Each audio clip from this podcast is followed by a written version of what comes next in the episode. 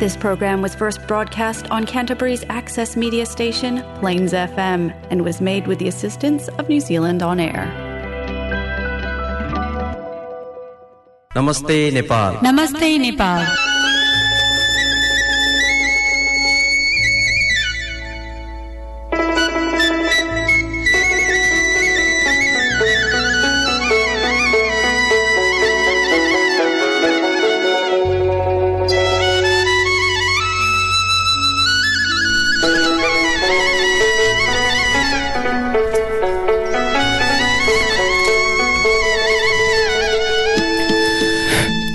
नमस्कार। Plains FM ninety six point nine मेघाजमा यो हो क्राइसिसवासी नेपालीहरूको आफ्नै कार्यक्रम कार्यक्रम नमस्ते नेपाल।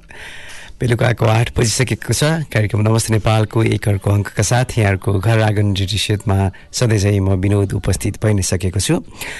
हप्ताको अनि विकेन्डको थकानहरू सहित अनि आफ्ना काम अनि परिवेशहरूमा फर्किनु पर्दछ सोमबारको बिहान अनि त्यसपछि अहिले यो साँझमा आइपुग्दाखेरि यहाँहरूका आफ्ना दैनिक क्रियाकलापहरू पनि आफ्नै तरिकाले व्यवस्थित बनेर लगभग अब थकान पछिको एउटा हुन्छ आरामको एउटा विसर्जनको अवस्थामा हुँदै गर्दाखेरि नेपाली गीत सङ्गीत अनि विभिन्न खबर सामग्रीहरू टिप्पणी सहितका यो रेडियो सामग्रीहरूको साथमा यहाँहरू मार्फत क्राइसिस आसपासमा नाइन्टी सिक्स पोइन्ट नाइन मेगाजको यो तरङ्गद्वारा म जोडिने प्रयास गरिरहेको छु। त्यस्तै Plains FM dot O R G dot एनजेडमा गइसकेपछि यहाँहरूले क्राइसिसभन्दा बाहिर न्युजिल्यान्डभर र संसारको जुनसुकै स्थानबाट पनि कार्यक्रम नमस्ते नेपालसँग यही समयमा प्रत्यक्ष जोड्ने जोडिन सक्नुहुनेछ। त्यस्तै हामीले नमस्ते नेपाल क्राइसिस न्युजिल्यान्ड नामको फेसबुक पेज पनि बनाएका छौँ र त्यहाँ साथी भइसकेपछि र अन्य सोसाइटीका फेसबुक पेजहरू मार्फत पनि हामीले कार्यक्रमका प्रसारण भइसकेका लिङ्कहरू कार्यक्रमका लिङ्कहरू हामीले सेयर गर्दै आइरहेका छौँ। त्यसमार्फत पनि यहाँहरू क्राइसिसमा नेपाली समुदायको गतिविधिहरूको कार्यक्रमहरूको विषयमा पनि अपडेट हुने गर्ने गराउने एउटा माध्यमको रूपबाट पनि कार्यक्रम नमस्ते नेपाललाई लिँदै आउनुभएको छ भन्ने विश्वास लिँदै गर्दाखेरि आजको साँझमा पनि रेडियोको यो पच्चिसदेखि तिस मिनटको यो यात्रामा सयात्री बन्ने प्रयास गर्दै गर्नुभएका सम्पूर्ण श्रोताहरूलाई फेरि पनि दुई हात जोडेर हार्दिक नमस्कार टक्राउँदछु।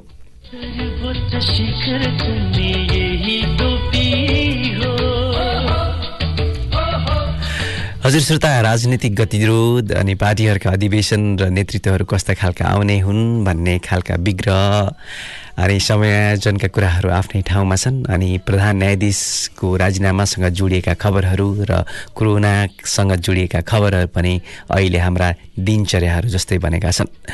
तर त्यो बाहेक व्यक्तिगत जीवन र पारिवारिक जीवनमा हुने गरेका एक अर्का कार्यक्रमहरूले पनि आसपासमा रहने नेपालीहरूलाई जोड्ने जोडाउने र एउटा उत्सवमा सम्हालिने र सहभागिता जनाउने र परस्परताको एउटा सम्बन्ध प्रस्तुत गर्ने र न्यानोपनको आदान प्रदान गर्ने कार्यक्रमहरू पनि छिटोपुटो रूपबाट भइ नै रहेका छन्। त्यसले तिजदेखि सामूहिक रूपबाट भेटघाट हुन नसकेको अवस्थामा नै हामीलाई अधिक अलिक अलिकति गतिशील बनाउने प्रयास गरिएको हो कि भन्ने हाम्रो पनि बुझाइ हुन्छ।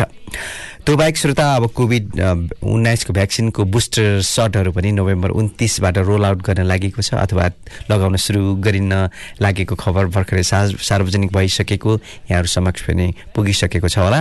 कोभिड उन्नाइसको दुई डोज लगाएको कम्तीमा पनि छ महिना पुगिसकेका अठार वर्षभन्दा माथिका व्यक्तिहरूलाई बुस्टर सट दिन सुरुवात गरिनेछ सुरुमा।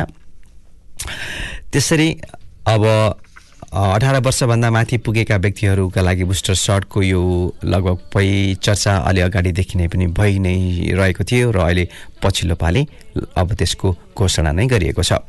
अब यो रोल आउट अथवा यो खोपको कार्यक्रम यस महिनाको अन्तिम अन्त्यमा सुरु हुनेछ र त्यही दिन वा भन्नाले नोभेम्बर उन्तिस तारिकका दिन ओक्ल्यान्डको खोप प्रगति प्रगतिको समीक्षा गरी ट्राफिक लाइट प्रणालीको कार्यान्वयनका लागि नयाँ कार्यक्रमहरू आउने विश्वास पनि गरिएको छ। त्यस्तै श्रोता अर्कोतर्फ अकल्यान्डको सिमाना खुल्दा भाइरस द्रुत रूपबाट फैलिन फैलिने सम्भावनातर्फ इङ्गित गर्दै चिकित्सा एक चिकित्सा विज्ञानले मानिसहरूलाई विशेष गरी सर्वसाधारणहरूलाई कोभिड उन्नाइसको लागि आफ्नो घरमा योजना बनाउन पनि सल्लाह दिएका छन् र आफ्ना पेन्ट्रीहरू सामानको अलिकति सर सामानहरू विशेष गरी दैनिक उपयोगका सामानहरूलाई अलिकति दुई हप्ताका लागि कन्ज्युम गर्ने अथवा उपयोगका लागि आउने सामानहरूको तयारी गर्नको लागि पनि सुझाइएको खबर आइ नै सकेको छ। श्रोता यसरी आजको कार्यक्रमको उठान गरि नै सकेको छु। अब सोमबारको बिहान उठान गर्दै गर्दाखेरि अब हामीले पनि रमाइला खबरहरू पनि जोड्ने प्रयास गरि नै रहेका हुन्छौँ। तैपनि कहिलेकाहीँ हामीले चाहेको खबर मात्र रमाइलो हुँदैन।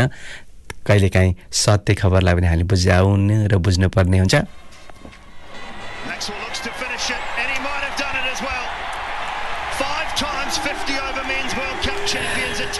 हजुर श्रोता अहिले हामीले चाहेर पनि र आफूले गर्दा गर्दै पनि हामीले साथ सहयोग गर्दा गर्दै पनि र हामीले चाहेर पनि हाम्रो वा भनौँ न्युजिल्यान्डको पक्षमा टी ट्वेन्टी वर्ल्ड कपको फाइनल जित्ने अवसर यसबाट यसपालि पनि हात परेन नै भन्नुपर्छ।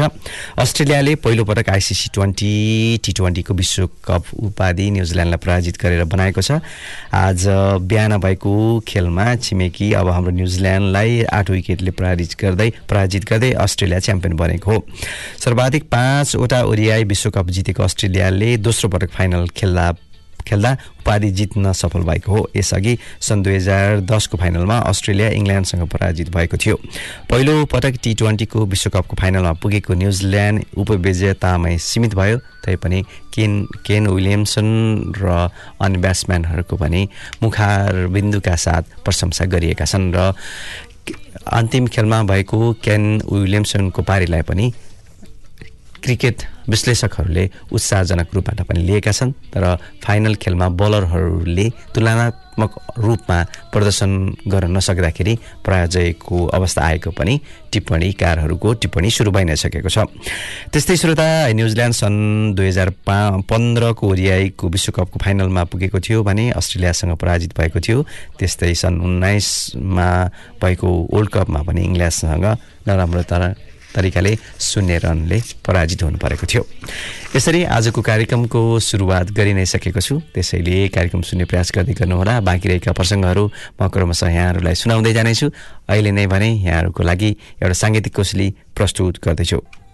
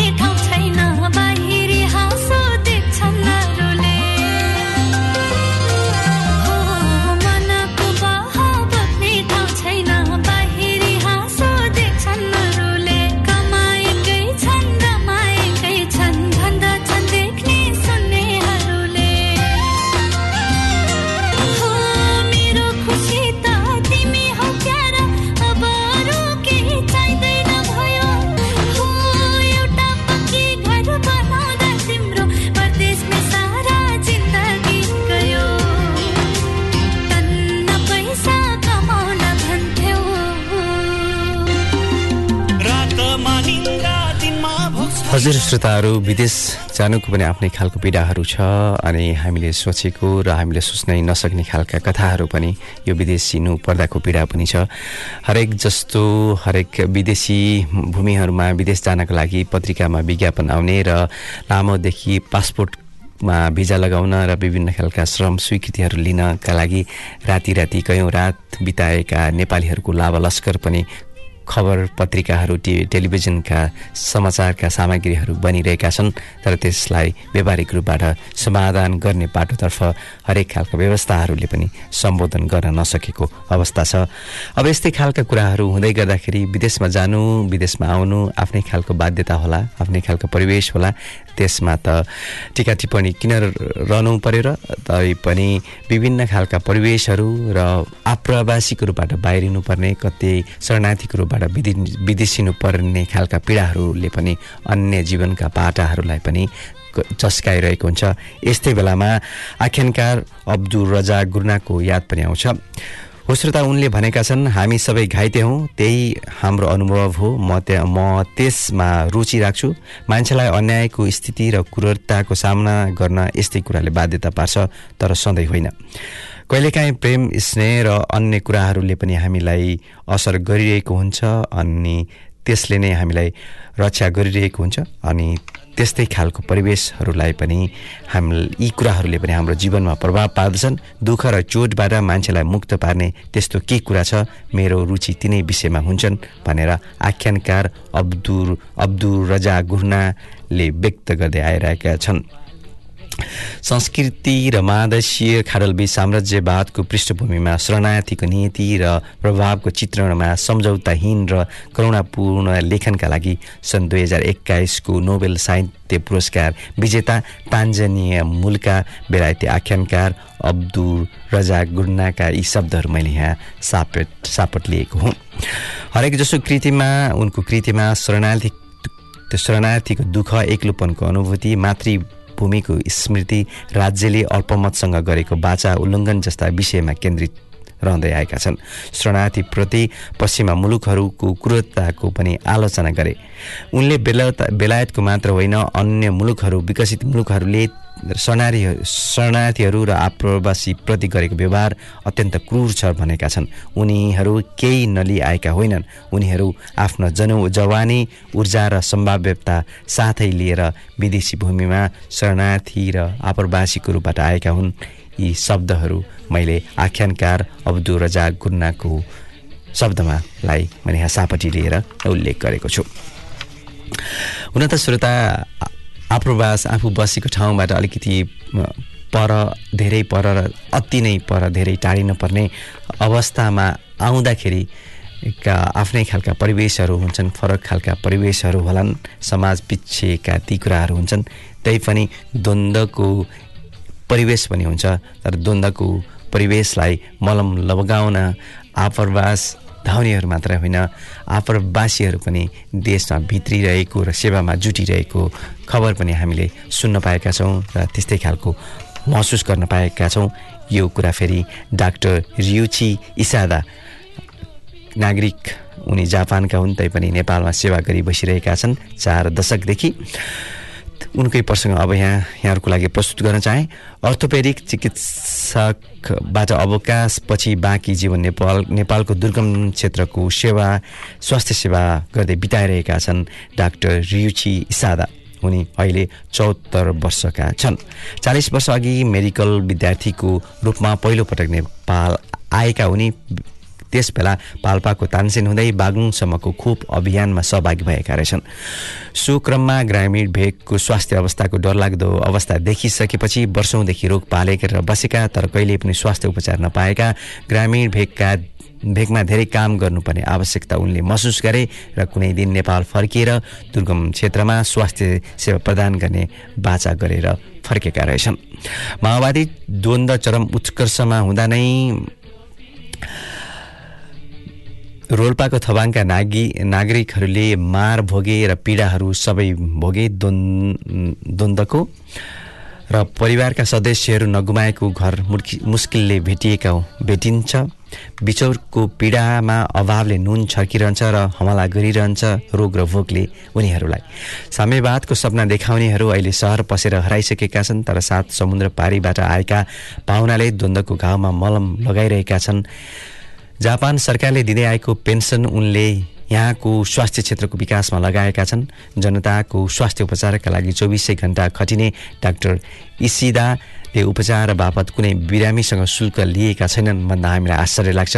तर सत्य हो बरु बिरामीलाई बाहिर उपचारका लागि जानु परे उनले रकम समेत सहयोग गर्दै आइरहेका छन्। श्रोता यसरी आफ्नै देशमा पनि सेवा भावका लागि आएका जापानी नागरिकसँग जोडिएको यो प्रसङ्ग पनि मैले यहाँहरूलाई सुनाइ नै सकेको छु। श्रोता अब हामीले विभिन्न खालका खबर सामग्रीहरूलाई पनि जोड्नु पर्ने हुन्छ। विभिन्न खालका गीत सङ्गीतहरू पनि हुन्छन्। यहाँहरूलाई यी सबै कुराहरू जोडिसकेपछि फेरि पनि एउटा साङ्गीतिक विश्राम लिन मन लाग्यो। आउनुहोस् यो गीत सुनौँ अनि त्यसपछि बाँकी रहेका प्रसङ्गहरू फेरि पनि यहाँहरूलाई सुनाउँदै जानेछु।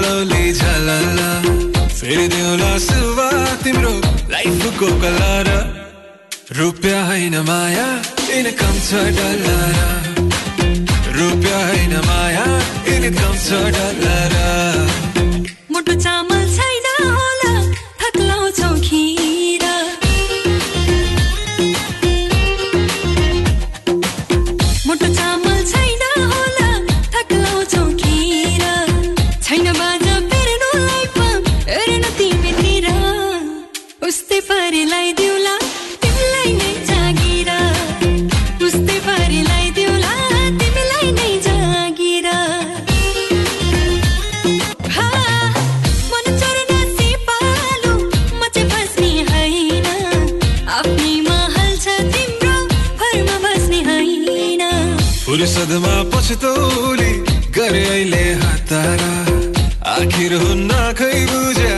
एकै घरबाट रुपियाँ होइन माया इनकम छ डलर रुपियाँ होइन माया इनकम छ डलर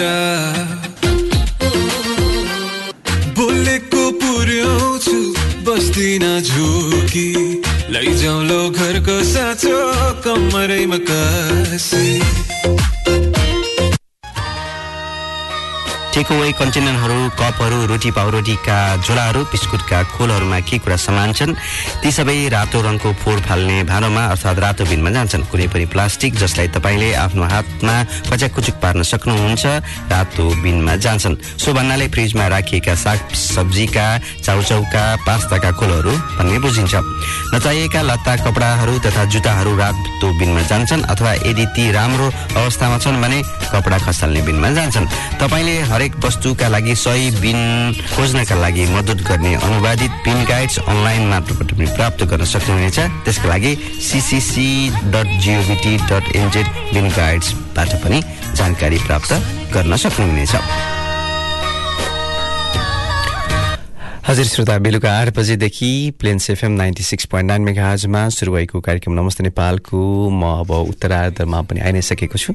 यहाँहरूलाई अब बाँकी रहेका प्रसङ्गहरू बिस्तारै सुनाउने प्रयास गरि नै रहेको छु। श्रोता Nepali Nepal New Zealand friendship सोसाइटीले साप्ताहिक रूपबाट नेपाली कक्षा भाइ बहिनीहरूको लागि सञ्चालन गर्दै आइरहेको छ त त्यही पनि खेलकुदको लागि ब्याडमिन्टनको कक्षा पनि भइरहेको छ। योगाको योगाभ्यास पनि आइतबार नियमित रूपबाट भइरहेको छ। त्यसैले आफूलाई सुहाउने र आफूले इच्छाएको विधामा पनि यहाँहरू सहभागी हुन चाहनुहुन्छ भने कृपया सोसाइटीका एक्सक्रमहरू र सोसाइटीको फेसबुक पेजलाई फलो गर्ने प्रयास गर्दै राख्नुहोला। त्यस्तै श्रोता कार्यक्रम नमस्ते नेपालमा। हामीले नेपाली साहित्य समाज न्युजिल्यान्डको संयोजनमा प्राप्त भएका नेपाली शब्दहरूको तात्पर्य तात्पर्यसँग पनि यहाँहरूलाई जानकारी दिने प्रयास गर्दै आइरहेका छौँ। विगत केही समयदेखि र यसै क्रममा आज परेका दुई शब्दहरू छन् फुकन्ता र युगमा। श्रोता फुकन्ता भन्नाले पासो बन्धन परतन्त्रता आदिबाट मुक्त भएको उडन्ता र फुका लाई पनि फुकन्ताको रूपबाट हामीले बुझिन्छ। फुकफाक तन्त्र मन्त्र आदिद्वारा आगो पन्साउने भूतप्रेतबाट भएको बाग्न बाधा विघ्न हटाउने कामलाई पनि फुकन्ता भनेर बुझिँदो रहेछ। त्यस्तै श्रोता अर्को शब्द छ युग्म। युग्म भन्नाले जोरा युगल र जुम्ल्यालाई युग्म भनेर बुझिँदो रहेछ। अन्य अन्यस्त्री सम्बन्ध भएका युगल र द्वन्द्वलाई पनि हामीले युग्न युग्मको रूपबाट बुझिन्छ। श्रोता बाह्र राशिहरूमध्ये तेस्रो राशिको नाम मिथुन जसलाई हामीले युग्मको रूपबाट पनि बुझिँदो रहेछ। यसरी नेपाली साहित्य समाज न्युजिल्यान्डले यसरी हामीलाई शब्द तात्पर्यताको संयोजन तात्पर्यको संयोजन उपलब्ध गराइदिनु भएकोमा र सोसाइटीका अध्यक्ष सञ्जय शान्ति सुवेदीप्रति पनि कार्यक्रम नमस्ते नेपाल सधैँ नै कृतज्ञ रहनेछ। त्यस्तै श्रोता सोसाइटीका गतिविधि मात्र होइन नेपाली साहित्य समाज न्युजिल्यान्डले पनि अहिले महाकवि लक्ष्मीप्रसाद देवकोटाको एक सय त्रिहत्तरौँ जन्म जयन्तीको अवसर पारेर नेपालीहरूमाझ यही आउँदो शनिबार बिस नोभेम्बरका दिन क्राइस्टमा लक्ष्मी जयन्ती तथा साहित्यिक रचना वाचनको कार्यक्रमको आयोजना गरेको छ। त्यसैले यहाँहरू मध्ये पनि इच्छाएको वा भनौँ केही विधामा यहाँहरू कलम चलाउनुहुन्छ वा भनौँ यहाँहरूको कलम चलिसकेको छ भने त्यो विधाको सामग्री प्रस्तुत वा भने वाचन गर्ने यो कार्यक्रममा सहभागी हुन सक्नुहुनेछ।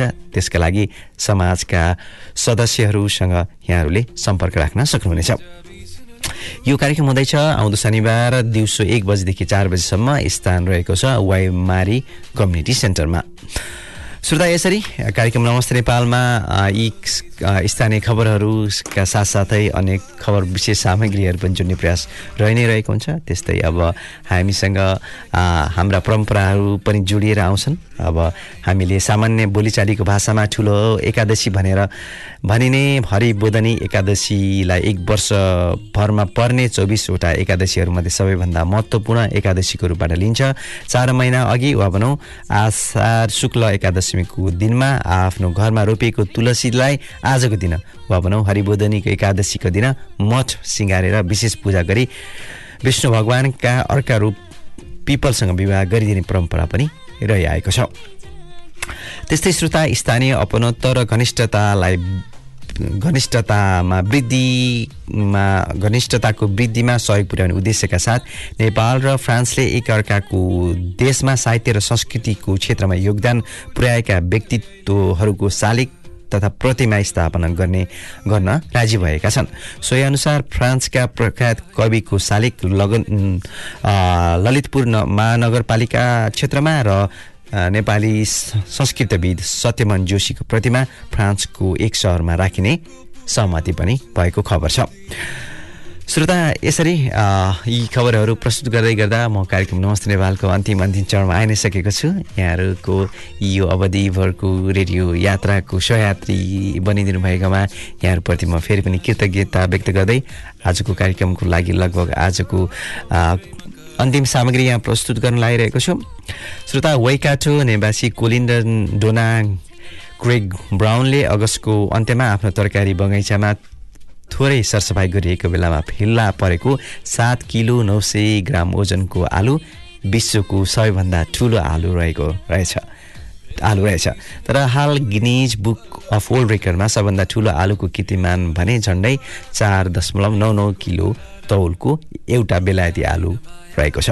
भनेपछि अब वर्ल्ड कपको अलिकति रुझान छ अब इन्डियासँग हुने सिरिजमा अलिकति बढोत्तरी खेल हुन्छ भन्ने आशा गर्दै गर्दाखेरि जे जस्तो भए पनि सात दशमलव आठ सय ग्राम ओजनको आलु न्युजिल्यान्डको एउटा आलु भनौँ न उत्पादन विश्व कीर्तिमान नि भएकोमा पनि हामीलाई गर्व नै लागेर आउँछ।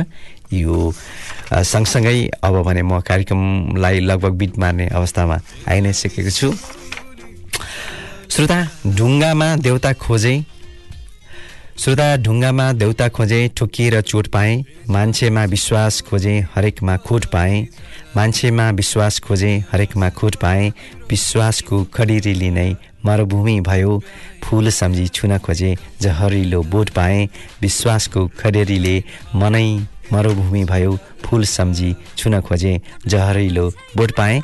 मिना चौलागाईको यो मुक्तका यी शब्दहरू सँगसँगै आजको कार्यक्रमलाई यहीँ आएर पूर्ण विराम लगाउन चाहन्छु। आजको कार्यक्रम सुनेर साथ दिनुभएकोमा यहाँहरूप्रति साधुवादका साथसाथ अर्को सोमबारसम्मका लागि म विनोदलाई पनि आज्ञा दिनुहोस्। नमस्कार शुभरात्रि।